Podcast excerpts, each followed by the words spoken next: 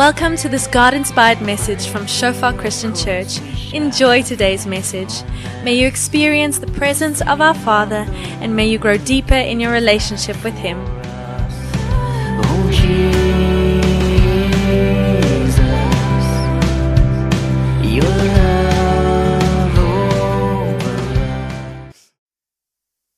Wat 'n voorreg om hier by mekaar te kan wees vanoggend. Niemand bedreig ons nie.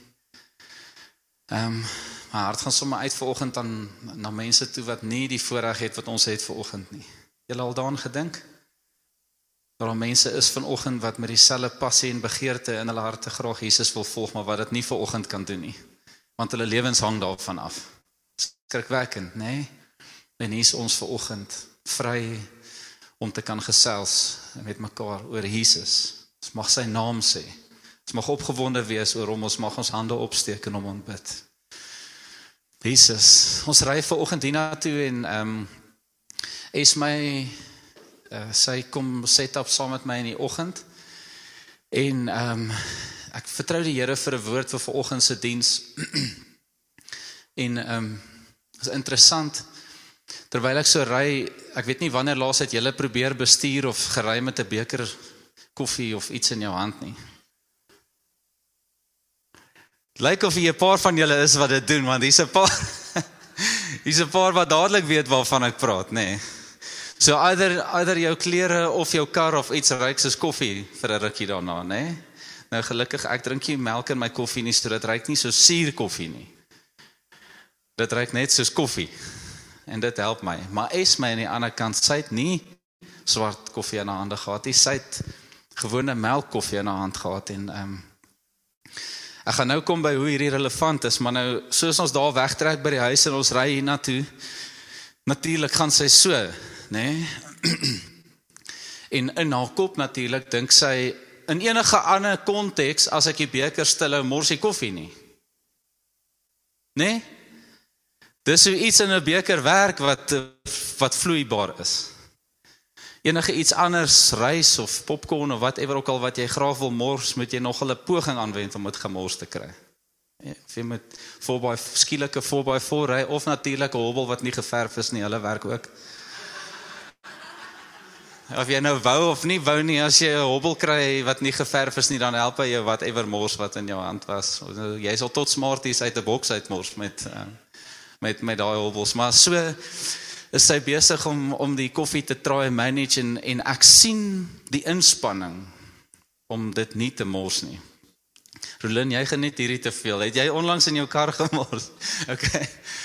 En ehm um, ja, ek ek probeer haar kry om om om hierdie ding te verstaan van jou hand moet so gaan saam met die kar. Nee. Weet julle dit? Julle lyk nou vir my almal vir hierdie vele nuwe nuus is. Dis hoe mense nie mors met koffie in 'n kar nie, hoor. OK, moenie jou arm styf hou nie, laat hy saam beweeg en net daar her, wys herinner die Here my aan hierdie woord wat ek gaan deel met ons vanoggend. Ons is besig om te praat oor 'n reeks, praat oor die ware evangelie. Een van die mees konfronterende woorde waaroor ek al moes praat in my lewe want dit is skrikwekkend om te sê hierdie is die ware evangelie. Ek weet nie wanneer laas jy vir iemand moes gesê het hierdie vraag wat jy my vra, hier is die antwoord. En jy sê is ek seker hierdie is die antwoord. As ek soos 'n legit seker hierdie is soos dit. As iemand net doen wat ek nou sê, dan gaan dit met hulle goed gaan. Net 'n disclaimer. Op aarde bereik ons nie daai punt nie. So soveel soos jy weet en hoor, Heilige Gees jou lei vandag, soveel soos ek my beste gedoen het om hierdie te doen tot about 3 uur vanoggend. Na 'n hele week se oplees en swat en goed ander ouens hoor wat baie slimmer is as ek praat oor hierdie selfde topik, het ek iewers besluit, okay, hierdie is soveel soos ek gaan weet vandag. Okay, en ons is almal daar. Ons root skrifgedeelte vir hierdie reeks is in 2 Korintiërs 11 vers 1 tot 4. Is nie op die bord nie, maar ek lees vir julle. Ag as julle my net 'n bietjie in my dwaasheid wou verdra. sien dit begin sommer met iets wat ek sal sê, nê? Nee? Verdra my maar. Die tweede sin sê actually dit. Verdra my tog maar en daar's actually uitroepteken, so ek bedoel dit. Okay. Want ek is jaloers oor julle met 'n goddelike jaloersheid. Want ek het aan julle een man verbind om julle as 'n reine maagd aan Christus voor te stel. Maar ek vrees dat net soos die slang Eva deur sy lustigheid bedrieg het, julle sinne so miskien bedorwe kan raak, vervreemd van die opregtheid teenoor Christus. Want as iemand kom en 'n ander Jesus verkondig as wat ons verkondig het, of as jy 'n ander gees ontvang as wat jy ontvang het, of 'n ander evangelie as wat jy aangeneem het, laat julle dit goed geval. Nou ons kom nou by die beker koffie. Ek weet van julle gaan daai beeld nie los tot ek vir julle verduidelik hoe kom dit hier uit nie. Vers 3 sê maar ek vrees dat net soos die slang Eva deur sy lustigheid bedrieg het. Die engel sê cunning. Dis so 'n cool woord, cunning. 'n crafty misleiding. Skillful, gefokus asprus daarop om dit so te doen dat 'n ou as jy in daai in daai oomblik net aan twee goed op dieselfde tyd dink dit nie gaan weet nie. En ons like dit om dit te doen. Né? Nee? Ons bestuur nie ons tyd beter nie, ons doen net twee goed op een slag. Né? Nee? Ons beplan nie beter nie, ons kyk net hoeveel goed kan ek op een slag regkry. Hoeveel goed gaan ek dink op een slag? En die vyand weet dit. Hy weet dit vrek goed.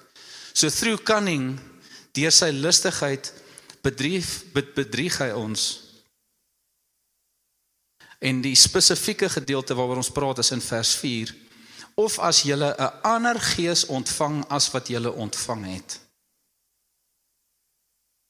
Nou soos ek na Esme kyk wat dit doen, dink ek letterlik in enige ander konteks is dit wat sy doen 100% reg. As sy nie nou in 'n kar was nie, het dit gewerk. Dan sy definitief nie gemors nie. Daar is geen twyfel daaroor nie, maar omdat sy in 'n kar is, moet ek vir haar verduidelik hoe jy die beker vashou normaalweg is nie hoe jy hom nou moet vashou nie. Jy moet hom anders vashou nou. Net so in ons lewe ontvang ons se gees word ons gered deur Jesus in 'n oomblik in tyd en iewerster verander iets. Iewers tref iets jou uit 'n hoek uit. Iewers gebeur goed wat jy nie kon beplan nie En dit hoef nie eens noodwendige traumatiese ervaring te wees nie, maar dit tref 'n ou hier uit 'n hoek uit. En die Heilige Gees is besig om vir jou te sê hoe jy die beker vasgehou het die hele tyd tot nou gaan nie werk in die konteks nie. En net iemand wat waarlik nuut gemaak is, net iemand wat waarlik gered is en net iemand wat die waarlike Heilige Gees ontvang het, gaan dit kan hoor in daai tyd. So ek wil jou vra vir oggend en nooi saam met my En ons mag dalk almal saam diep emosioneel raak op 'n stadium. Want die gedagte daarvan dat ons so maklik mislei word. Weg van dit wat hy gedoen het. Weg van dit wat Jesus vir ons gedoen het. Weg van dit hoe sy gees ons lei. Weg van hierdie redding, perfekte redding, perfekte lewe wat hy vir ons het. En ons mis dit. En ons is weg. En nie net in ons ontwetenheid raak ons verlore en gebroke in sonde weer asof nie gered nie. Ons veroorsaak 'n soortgelyke skade aan letterlik almal om ons. Almal met wie ons te doen het. Want ons verkondig dit vrylik. Hoor waarmee mislei die vyand in vers 3 vir Eva. Genesis 3 vers 4 sê: "Toe sê die slang vir die vrou: julle sal gewis nie sterwe nie. En dit is so vreemd dat baie keer al wat ons nodig het is nee, dis nie ek nie. Hoor wat jy sê? Nee, ek nie. Dis iemand anders. Moenie vanoggend dit dit is dis soos letterlik een van die die Bybel is nog net 3 hoofstukke geskryf. En tot vandag werk dit. Wanneer ons iets hoor, dan regverdig ons onsself. Nee, ek nie. Moenie dit ver oggend doen nie. Okay, kom ons stel ons harte oop vir oggend en ons sê Here, dis u woord. Hier's niemand wat my aanval nie. Hier's niemand wat my attack nie. Hier's nie as iemand wat kan sien hoe simpel ek lyk like of voel nie. Maar ek laat my hart en my God down vir oggend. Ek stel my oop. Heilige Gees, kom lei my. Kom wys my. Hoe skrikwekkend sal dit wees as ons dink ons volg die Heilige Gees en ons is besig om 'n vals gees te volg. Dis nie nodig nie. kom vanoggend, hy kom openbaar. So wanneer ons praat oor die Heilige Gees, die Gees soos wat 2 Korintiërs 11 van praat, as ons nie 'n ander evangelie aanneem nie. Bemoeilik om 'n gees te meet wat nie optree nie. En die ironie is enigiets wat lewe tree op op 'n stadium. En dan kan ons op een van twee maniere meet. Of deur dit wat hy doen of deur hoe dit voel in sy teenwoordigheid. Maak dit sin? Skry jy ervaring? Kyk hoe praat iemand met iemand, kyk hoe tree iemand op teenoor iemand of bloot deur om in iemand se teenwoordigheid te wees, kry mens 'n goeie idee van hoe hierdie persoon is, né? Nee? Voel spontaan gemaklik by iemand, partykeer. Of jy kyk partykeer na iemand en jy voel ek weet nie lekker wat dit is nie, maar iets is iets is af. So ons gaan vandag spesifiek kyk na die werke van die Heilige Gees. Hoekom?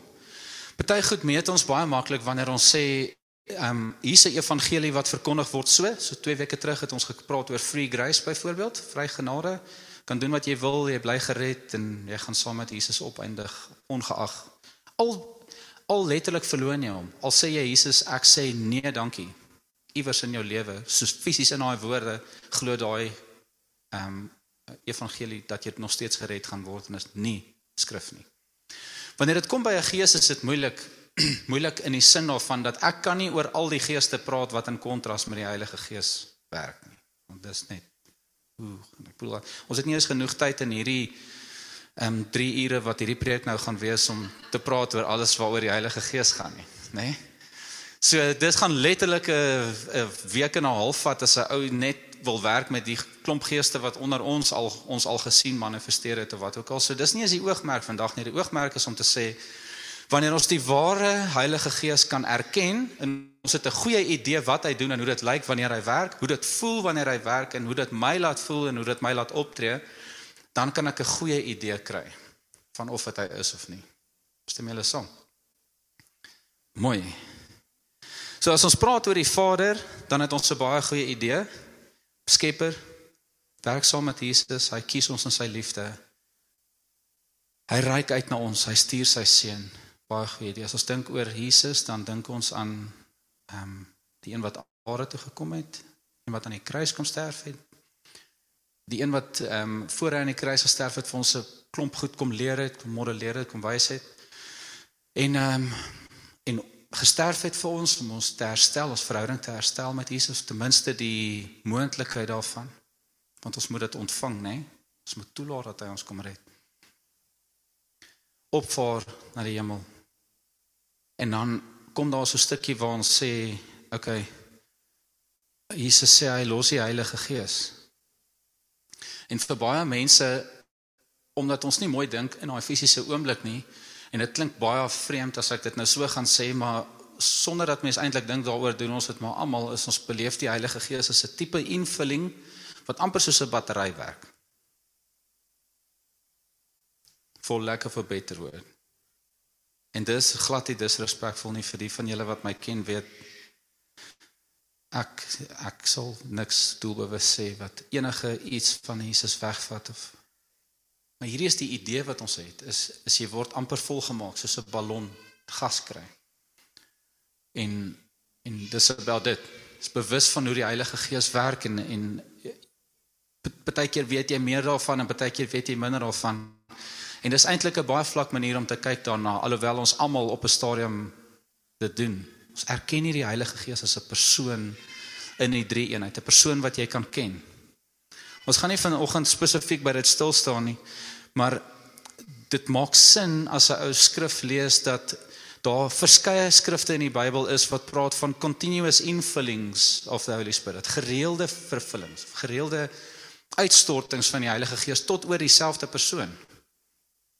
Want elke keer wanneer ons 'n ontmoeting met die Heilige Gees het, dan verdiep daai ervaring. Daai openbaring verdiep. Dit word iets wat amper in jou gestalte vind. Dit raak vir jou meer oop, meer bekend, meer duidelik. 2 Korintiërs 5 vers 5 sê maar hy wat juis wat ons juis hiervoor toeberei het is God wat ons ook in die gees as onderpand gegee het Nou as ek nou met julle heeltemal eerlik kan wees, ek moes onderpand gaan Google. Want dis nie 'n woord wat in my woordeskat bestaan nie. Weet nie of dit woorde is wat julle gebruik nie. Kan ek net gou sien? Gebruik iemand? Great, is nie net ek nie. Okay, ons het iets, ons het nog iets in gemeen. Ehm um, onderpand, guarantee, deposit. Kom ons kyk gou na daai woord. Araboon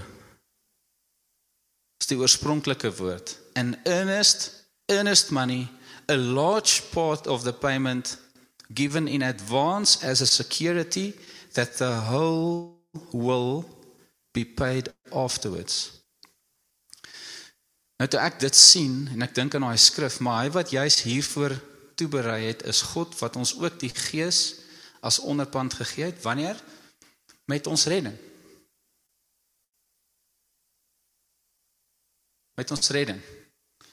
'n Guarantee, 'n onderpand, 'n deposit.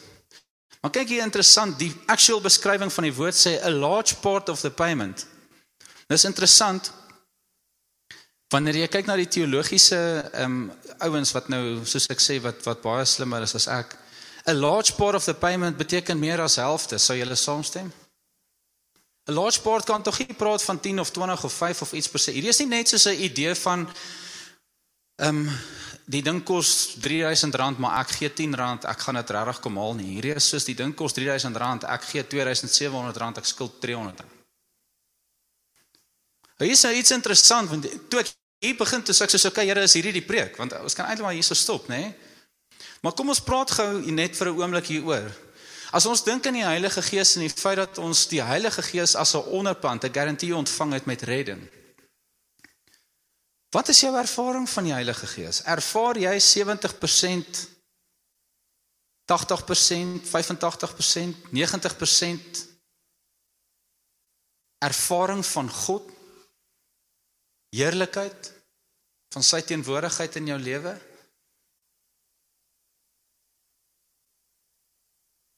Ek het nie. Ek doen nie. Ek vertrou die Here vanoggend saam met julle. Here kom breek hierdie ding vir my oop. Want as ek in my kop hierdie idee het dat ek ek ontvang 'n deposit van sy gees wat 'n stukkie van sy koninkryk wil openbaar en daai stukkie is maar 'n fraksie teenoor dit wat ek beleef in die wêreld, dan is dit die ervaring wat ek gaan hê. En dit is eintlik skrikwekkend want dit beteken bloot as gevolg van die feit dat ek myself nie toelaat om deur hom geleer te word nie, sal dit nie my ervaring op aarde wees nie. Hoeveel van julle het al gedink, hoekom sien ons nie wonderwerke gebeur nie? Hoekom sien ons nie krag gebeur nie? Hoekom sien ons nie openbaringe nie? Hoekom wil die verhoudinge nie werk nie? Hoekom hoekom sukkel ek? Hoekom wil goed net nie momentum kry nie? Hoekom wil goed net nie gebeur nie? In die lig hiervan hoekom sal dit? hoekom sal dit gebeur? As ek leef met die openbaring daarvan dat ek 'n 10% Heilige Gees ontvang met redding en ek is in 'n wêreld wat 90% van my gedagtes en my bestaan opvat, hoekom sal dit hoekom sal die vrug van my lewe andersom wees?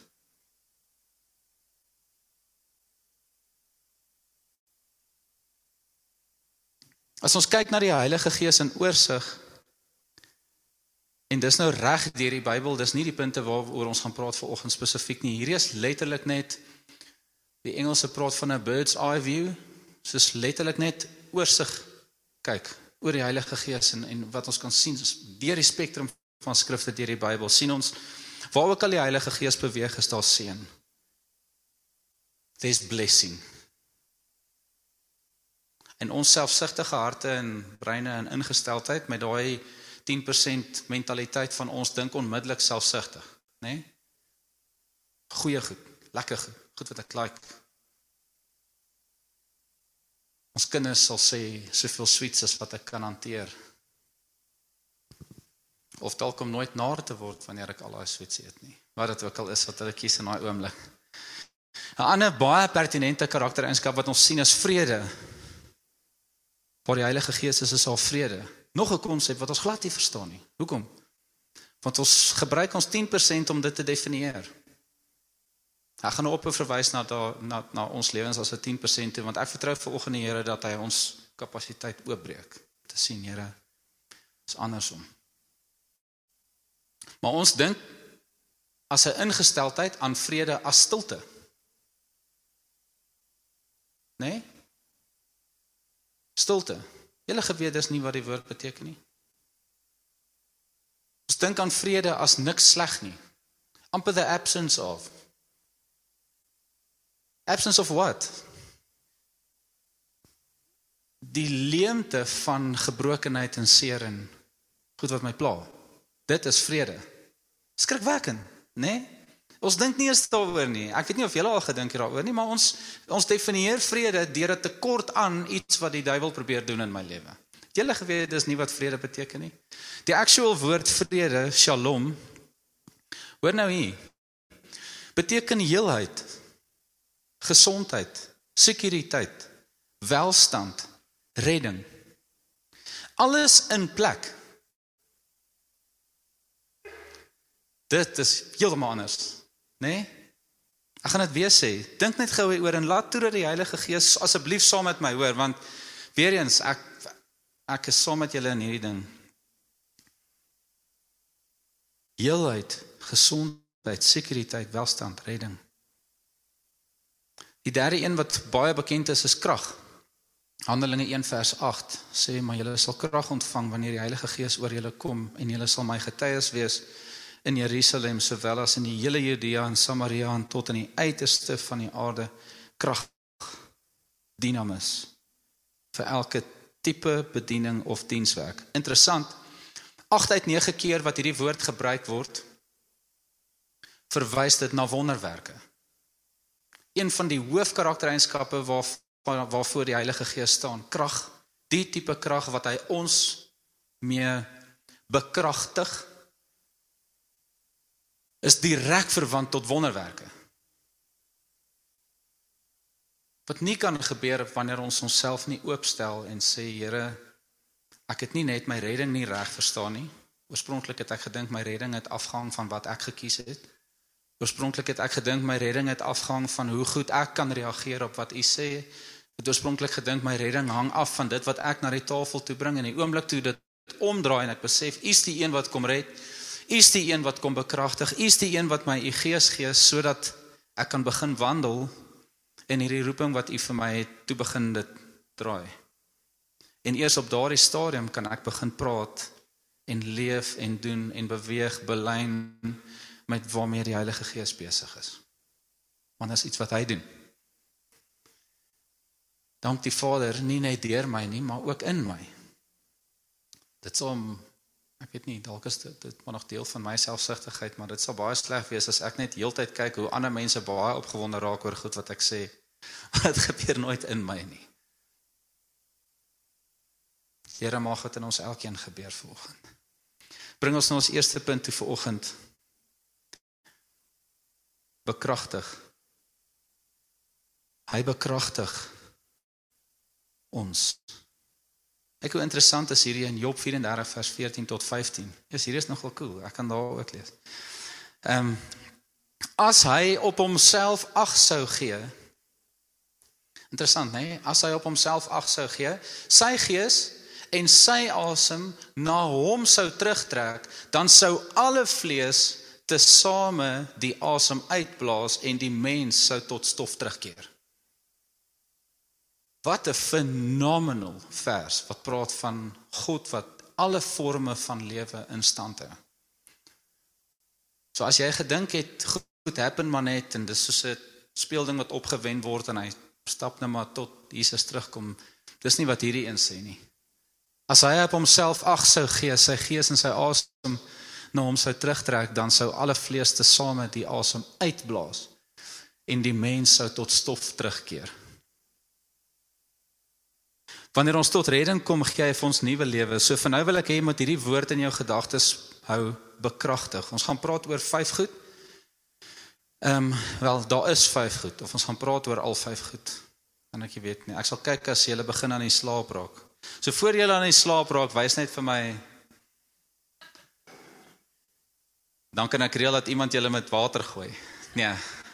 Dan stop ons. Ek weet nie hoe laat dit ek begin nie. Weet jy, Gerard? Weet iemand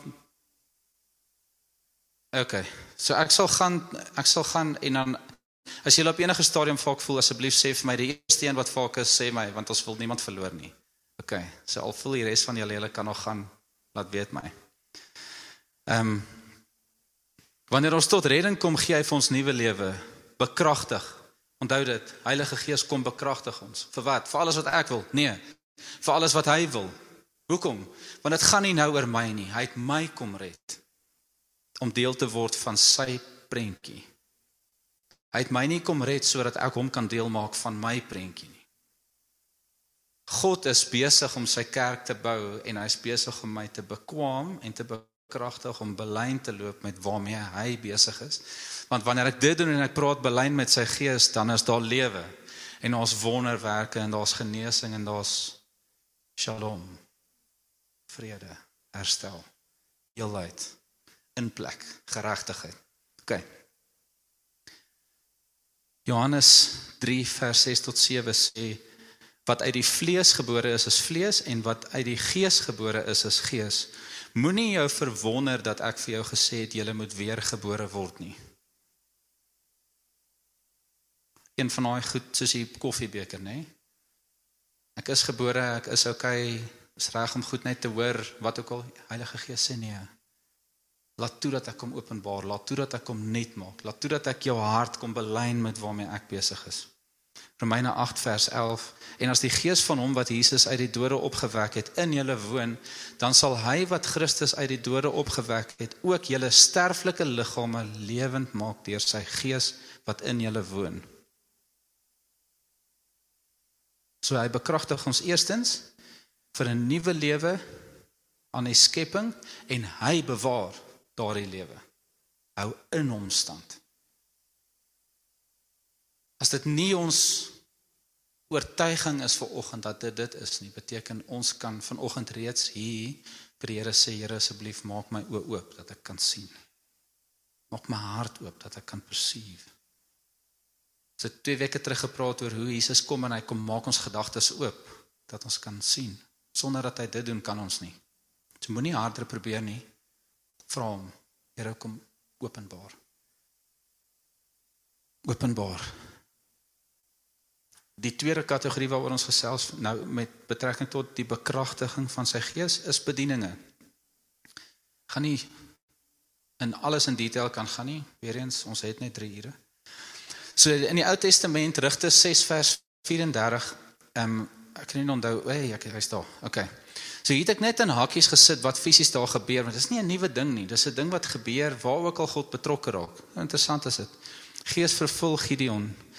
Rigters 15 vers 14. Die Gees word vaardig oor Samson. Interessant. Die Gees word vaardig oor Samson. Die toue wat om hom is word soos linne drade, sê die skrif. Word fyn, soos iets wat deur 'n vuur gebrand word. Soos die Gees oor hom kom. Nou ek weet nie wanneer laas, ek dink dit sal skrikwekkend wees. Imagine as jy in die dorp is en helfte van jou klere brand af soos wat Heilige Gees oor jou kom, maar in hierdie spesifieke geval wou hulle hom gevange neem. En hier kom die Heilige Gees. Die engel sê the spirit rushed upon him. He rushed upon him. En hy sê vry. 1 Samuel 16 vaardig oor Dawid baie wysheid wen 'n oorlog. Op daardie stadium was hy nog nie eens koning nie. Maar die Heilige Gees kies hom. Jesaja 61 vers 1. Die Gees van die Here is op my omdat die Here my gesalf het om 'n blye boodskap te bring aan die ootmoediges. Hy het my gestuur om te verbind die gebrokenes van hart, om vir die gevangenes 'n vrylating uit te roep en vir die geboeides opening van die gevangenes. Leef ons so? Wanneer ons mense in gebrokenheid en en in slawerny sien, is ons daai wat die vrymaking van God gaan verkondig of is ons self nie eintlik vry nie en daarom kan ons dit kan nie vir iemand iets leer wat jy nie beleef nie, nê? Skrik, dit is letterlik onmoontlik. Ek wil jou eintlik graag help, maar kan myself nie help nie. So sorry, nê? Ek hoop dit ek hoop jy maak dit. Nuwe Testament Matteus 3 vers 16 en nadat Jesus gedoop was, het hy dadelik uit die water opgeklim en met eens aan die gaan die hemele vir hom oop en hy sien die gees van God soos 'n duif neerdal op hom. Nee, en Jesus word bekragtig op aarde. Hoekom? Omdat hy dit nodig gehad het. Waarskynlik ek wil nie eens in daai discussion betrokke raak nie. Maar dit is 'n voorbeeld vir ons om te sien kom die Heilige Gees op hom, word gedoop en begin te wandel. Heilige Gees lei hom in die woestyn in, begin met sy bediening. Begin stap belyn met dit wat die Heilige Gees in hom doen. Handelinge 1 vers 8. Baie bekende skrifgedeelte. Skrifgedeelte wat mens eintlik nie baie oor wil praat oor die algemeen nie, want dan dink jy ek weet nie wat om te sê hieroor nie. Dit is net weird om oor sulke goed te praat en dan gebeur niks nie, né? Nee? Maar julle sal krag ontvang wanneer die Heilige Gees oor julle kom. En julle sal my getuies wees in Jerusalem, sowel as in die hele Judea en Samaria tot in die uiterste van die aarde. Julle sal krag ontvang wanneer die Heilige Gees oor julle kom. Onthou ons praat oor hoe lyk die ware Gees? Hoe lyk dit wanneer hy betrokke raak op 'n plek? So lyk dit. En iewers in dit, hoopelik nie net vir my nie, trek daar 'n spieël voor ons op en sê hy, "Wow. As ek oortuig is daarvan dat ek gered is in Jesus en ek is oortuig dat ek gevul is met sy Gees, waar is hierdie goed in my lewe?" Dis nie judgment nie, dis honesty, dis transparency, soos wie ook nou gesê het, kom ons toets onsself. Is dit nie nodig om um in denial te wees of weg te kruip of wat ook al nie, hier is mos waarheid. Ons kan dit hoor en ons kan reageer op dit. 1 Korintiërs 12 praat oor die geestelike gawes. Vers 11 sê maar al hierdie dinge het een en dieselfde gees wat aan elkeen ander afsonderlik uitdeel soos hy wil. Ons ken die gees geestelike gawes. En is interessant hoe tot hierdie maak ons selfsugtig. Gaan gesprekke oor ja, dis jy nee, dis jy nee, ek dink jy dis jy nie nee. Ah, ek weet nie. Skielik word dit 'n discussion oor hoe goed ons dit kan uitken in mekaar en en die oues so sê, "O nee, ek weet hom nie mooi nie. Hoe sien julle dit?" En ek vat hierdie hele ding en ons laat alles wat die Heilige Gees besig is om te openbaar en te dryf en ons maak dit ek. Ons moet pas op. Gebede. Skrif sê ons kan nie effektief bid sonder sy Gees nie. Dis deur hom wat ons roep Abba Vader. Ons kan nie dit eers doen nie, nê? Dis deur sy Gees. Sonder die bekragtiging van die Heilige Gees is daar geen resultaat, daar's geen vrug, daar's geen ewigheidswaarde nie. En nou bly die vraag oor: "He, glo jy vandag saam met my opreg met jou hele hart dat ons die bekragtiging van die Heilige Gees nodig het?"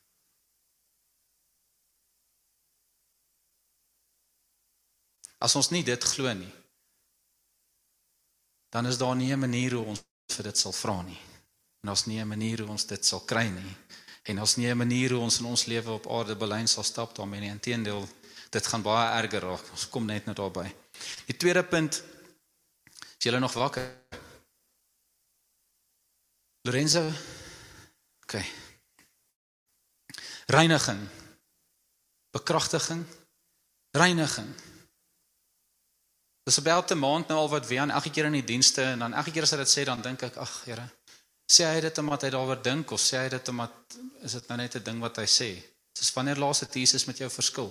Wanneer laas was jy gereinig van iets? Wanneer laas het die Heilige Gees in jou tyd saam met hom na jou toe gekom en vir jou kom sê, hoorie, repent jy? Is besig om deen te glo hier. Dis nie ek wat besig is om te praat hier nie. Dis een of ander ander gees. Maar dis nie ek nie. Verskil Heilige Gees met jou. Partykeer. Gebeur daar reiniging.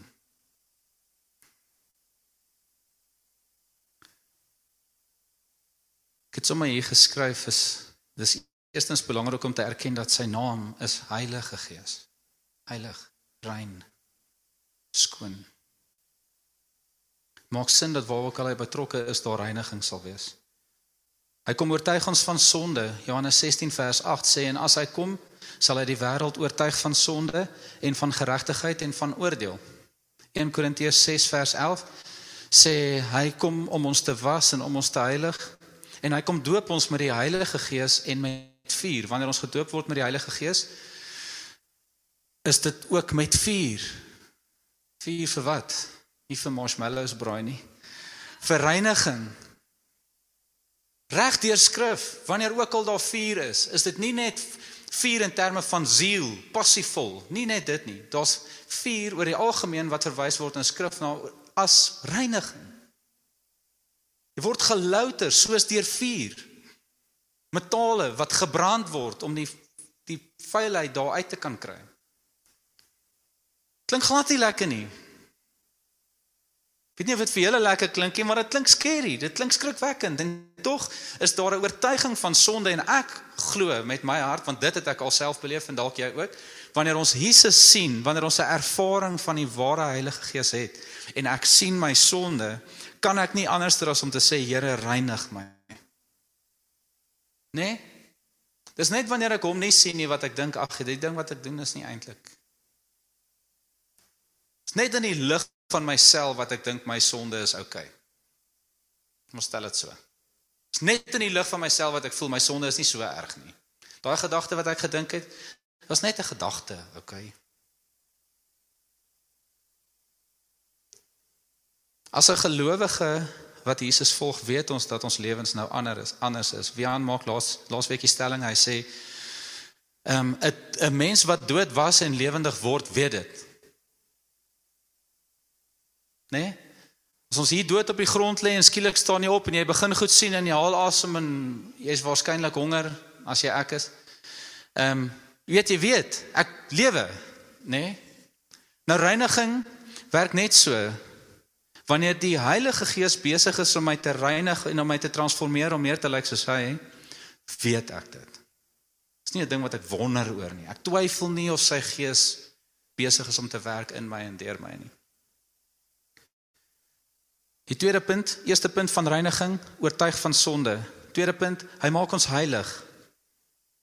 Hoe doen hy dit? Ons lees in Galasiërs 5 vers 19, lees ons hoe lyk die vrug van die vlees? Ons lees nie dit nie, nê. Nee. Ons weet mos wat kom in vers 22. So ons skiep na al die mooi goed toe. Want ons wil justify. Nie ek nie. Ek dink jy daai goed nie. Ek doen nie daai goed nie. Ek ken mense. Maar nie ek nie. Vers 19 praat oor al daai vrug waarvan die Heilige Gees besig is om ons te reinig, skoon te maak. Skrik baie keer vir daai vrug, nê? Skrik baie keer so groot dat ons nie eens wil alleen in 'n plek saam met Jesus gaan sit en met hom praat daaroor nie, want ons wil dit soos in glad nie vuis nie. Hou ons net waar ons is, dood in ons gebrokenheid en in ons vlees. Vers 22 soos ons weet, gaan aan na die vrug van die gees.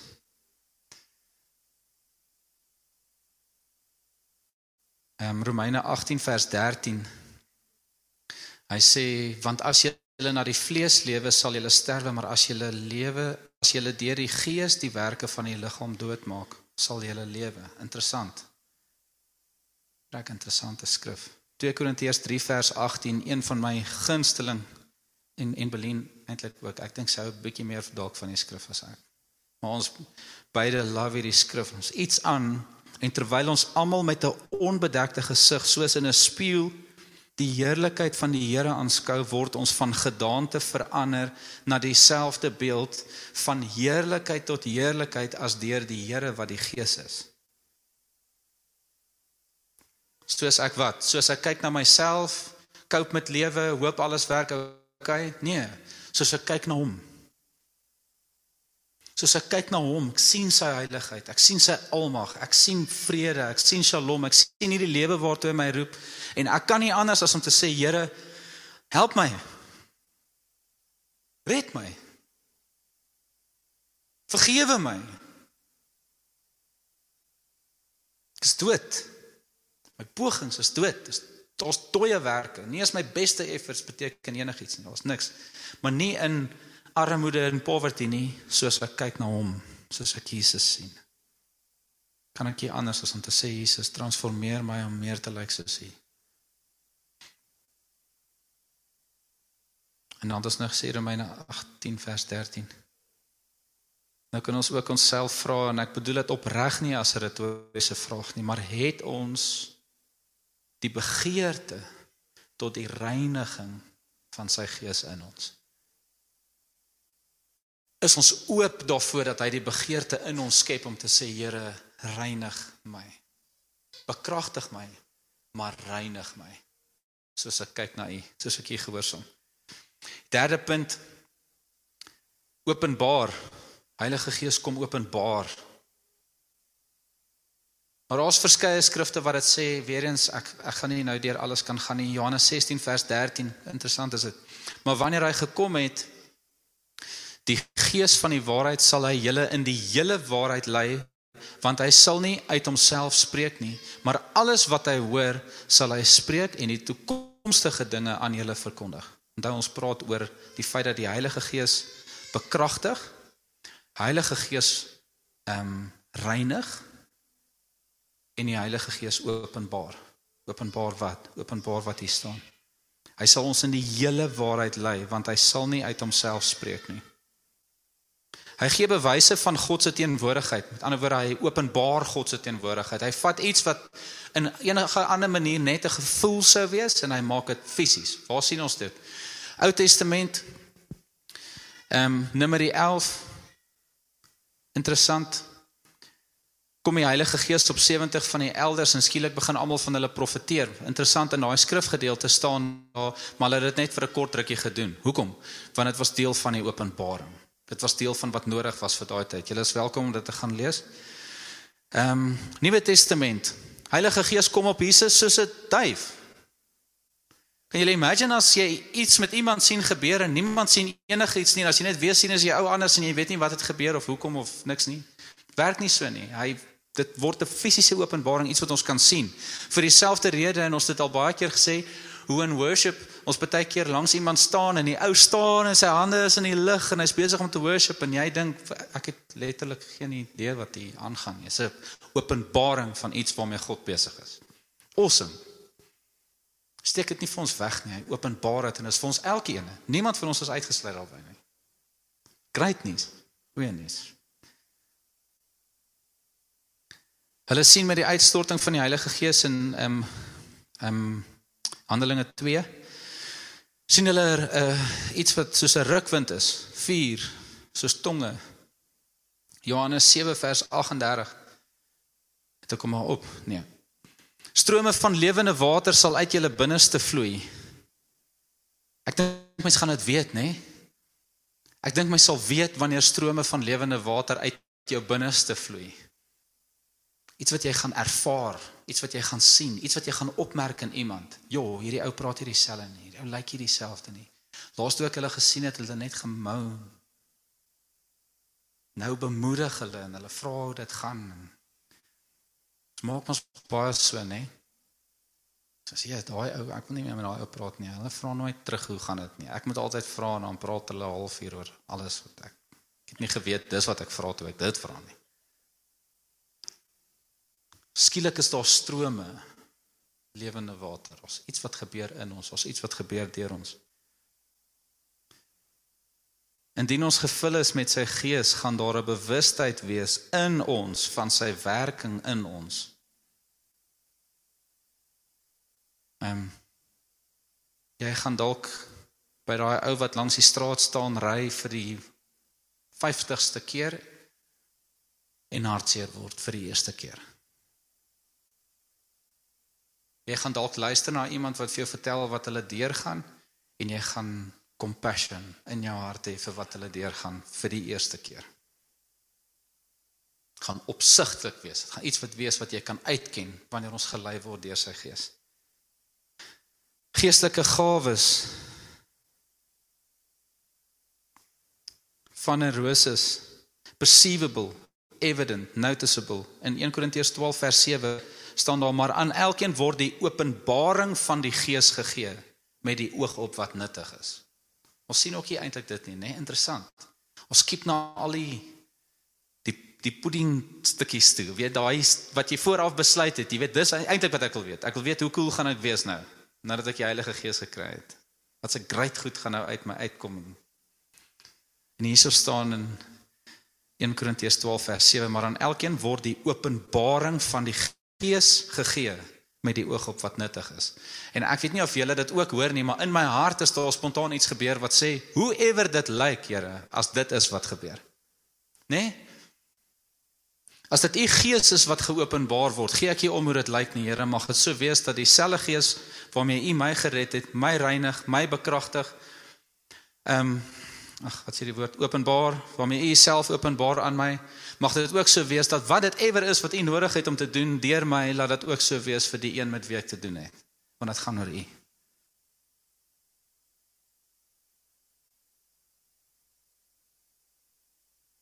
Hier is wel 'n stukkie wat ehm um, wat bietjie de mekaar is en wanneer ons praat oor die openbaring, dan het baie van dit baie keer uit te waai ook met goed wat die Heilige Gees in ons openbaar, né? Nee? Dit maak mens baie keer de mekaar. Ek en Ellen staan ver oggend terwyl ons hier kabels oprol en gesels oor die feit dat mens baie keer 'n ervaring het en mens weet nie lekker, is dit die Here, is dit nie, is dit sy openbaring, is dit nie? En dit moet nooit dit wees nie. Hoor gou hier 'n paar praktiese goedjies.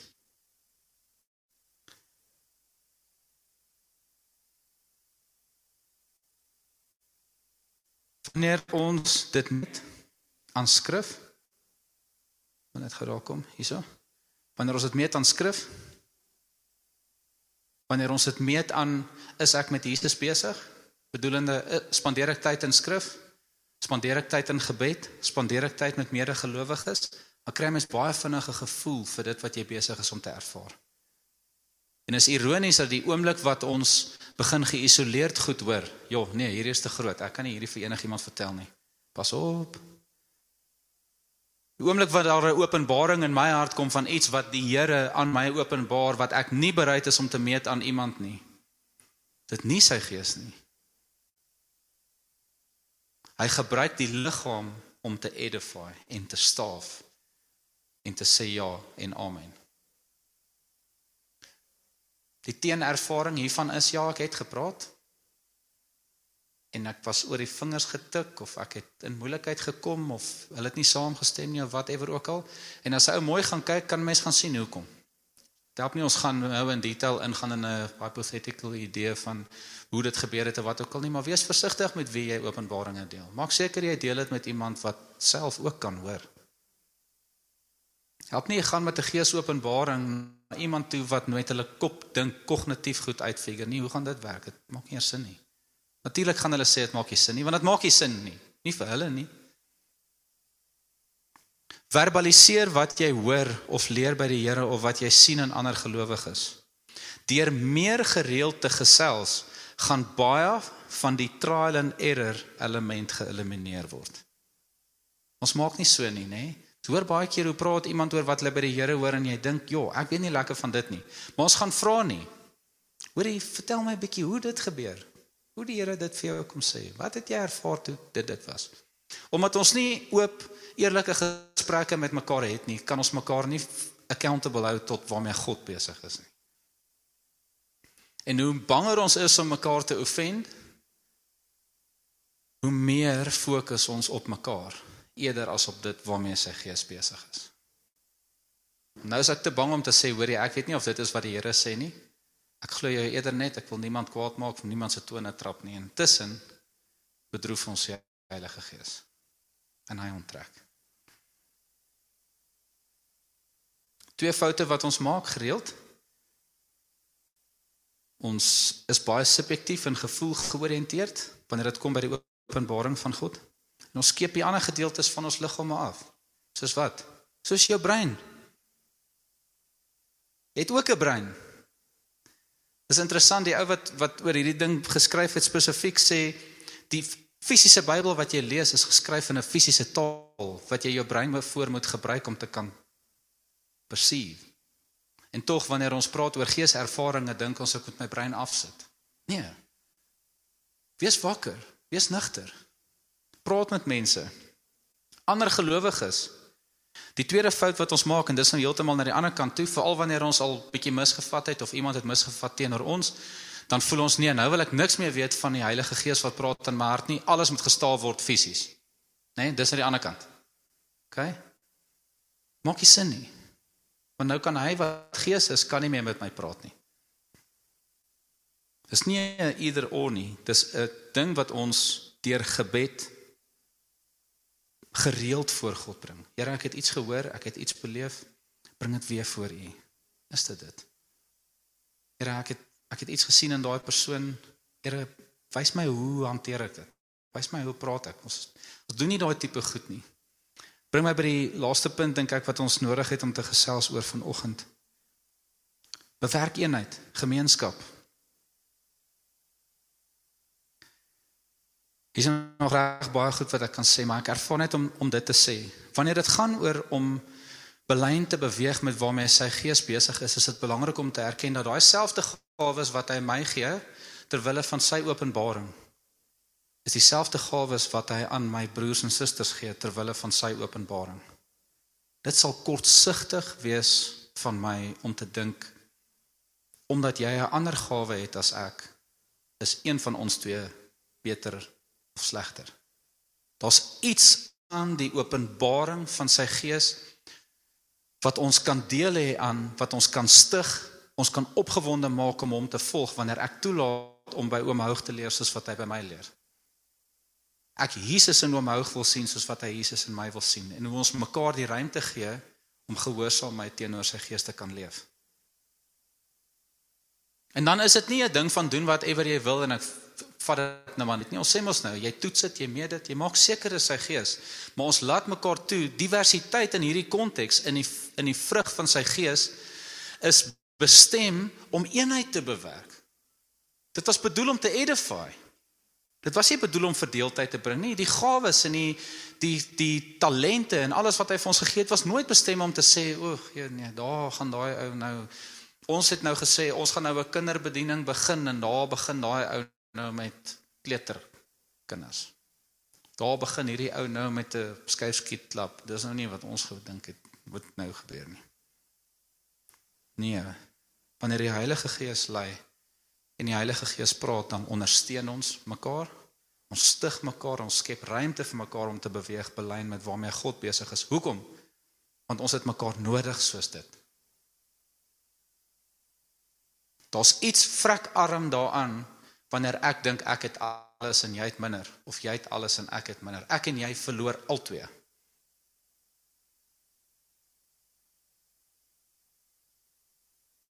Hier's nou baie goed wat nou baie rof is oor hoe om die Heilige Gees te bedroef. Dis nou die teendeel.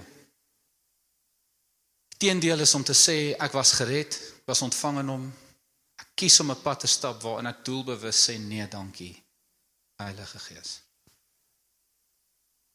Nou ek was al in gesprekke waar mense vir my sê ek kan nie eens imagine dat iemand dit sê nie en die en die ironie is ek kan want ek was so iemand. En meer gereeld as wat ek wil erken is ek nog steeds so iemand en weet jy wat jy ook. En dis oukei okay, want ons is besig om gereinig en bekragtig en herstel te word tot sy beeld en sy gelykenis om te maak asof ons perfek is en ons het alles bymekaar is is nie net sinneloos nie, dis 'n leuen. Dis nie die waarheid van ons harte altyd nie. Dis nie die waarheid dat ons altyd belyn met sy gees wil stap nie, maar wat erken ons? Ons erken wanneer ons hom mis. Ons bely. Ons is daar vir mekaar, ons is lief vir mekaar, ons bemoedig mekaar, stig mekaar, laat toe dat die Heilige Gees ons dien deur mekaar.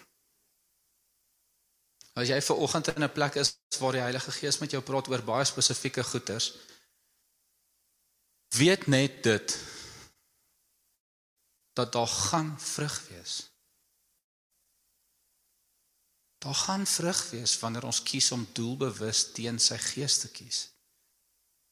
Daar kan nie heiligmakende vrug wees wanneer ons kies ons stap belyn met sy gees en dan niks gebeur as ons kies ons stap nie belyn met sy gees nie kan ons ewen te dink. Maak nie sin nie. So my gebed vir oggend vir my en vir julle elke een is dat ons net 'n oomblik sal vat. Voel is met julle. Ek het twee praktiese goedjies wat ek graag wil doen. Is regtig iets wat die Here op my hart lê. Eerste ding. Jy kan daai gebedspunte opbring. Thanks Gerard. Ehm um, met hierdie in gedagte Heilige Gees, die ware Heilige Gees is een wat bekragtig, vervul so gereeld as wat nodig is. Jy weet waar jy is volgens. Jy weet wat die openbaring van jou hart is. En ek praat nie van wat jy dink jy het nie. Ek praat nie van survival nie. Ons is goed met dit. Reinig. Heilige Gees reinig. Was my skoon. Soos ek u sien, Jesus, skep in my daai begeerte om nie meer te wil lyk soos ek lyk nie om getransformeer te word na u beeld en u gelykenis meer en meer. Heilige Gees kom openbaar. Openbaar dat ek kan sien waarmee is u besig sodat ek kan betrokke raak by dit waarmee u besig is. Al is dit nie my idee nie. Al is dit nie my plan nie. Al was dit nie iets wat ek uitgedink het nie. Ek wil sien waarmee is u Gees besig want ek wil daar betrokke raak en ek wil besig wees saam met u wat besig is om die kerk te bou. Al is dit om my boetie of sussie of vrou of man of wie ook al in Jesus op te tel. Hy bewerk eenheid. Hoe? Deur om te verstaan dat die gawes wat ons het is vir sy openbaring. Maak niks van ons wat ons nie is nie, dis sy openbaring. Dis sy gees wat besig is om te beweeg en hy kies om ons deel te maak van daai phenomenal plan. So. Ek wil hê ons moet bid oor hierdie twee goeters. Die een is ehm um, ek wil hê hierdie helfte mense moet na hierdie helfte mense kyk en hierdie helfte mense moet na daai helfte mense kyk en vir die Here sê Here gee my 'n woord vir een van daai of vir een van daai aan die ander kant van hierdie aisle. Hier's niks kombersies nie. Dis nogal cool. Ehm um, aan die ander kant van hierdie aisle wys my iemand, gee my 'n woord vir hulle en lei my oor wat kan ek bid vir hulle. So hoe ons mekaar dien is ons ons is baie keer so in ekstase wanneer die Here vir mense iets kom wys oor iemand anderste dat ons voel ek gaan dit dadelik vir hulle gaan sê. Soos in nou, dis die eerste keer wat ek dit beleef, ek gaan dit nou vir hulle sê nee. Wanneer die Here aan ons iets openbaar, dan vra ons van Here, wat moet ek maak hiermee? Wat bid ek hiermee? Sien dit help die Here sê vir ons sê vir my hy nie ek en jy gaan nou soontoe loop. En as ek soos great en ek go. Ek het agtergekom in my verhouding met Jesus moet ek baie keer vra Here, wanneer begin ons loop?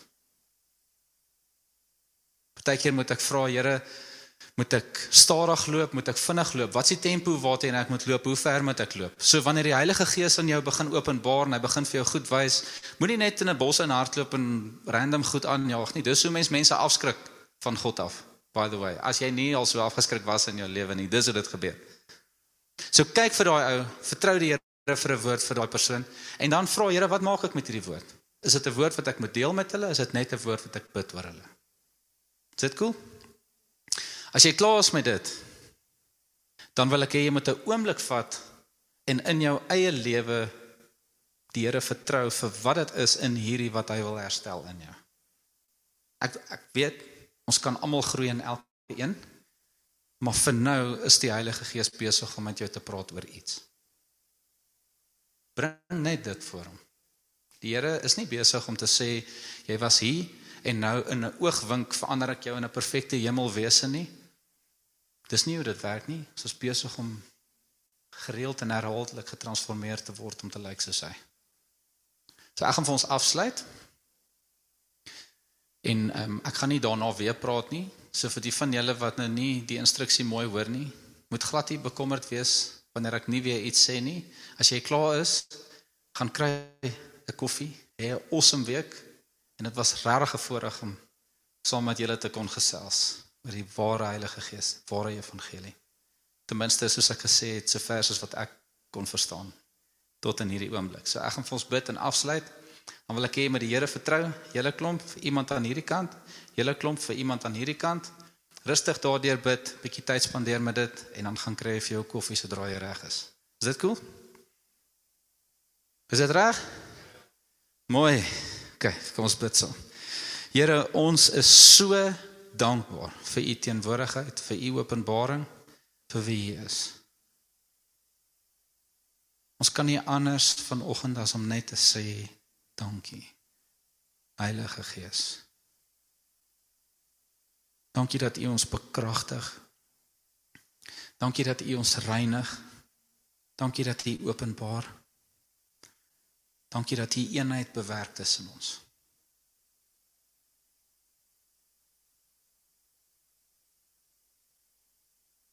Dankie dat ons U kan vertrou om van hierdie oomblik af ons baie spesifiek te lei. En as ons 'n gewoonte het in ons lewens, Heilige Gees, waarna ons U vinnig uitskryf, asseblief help ons. Help my.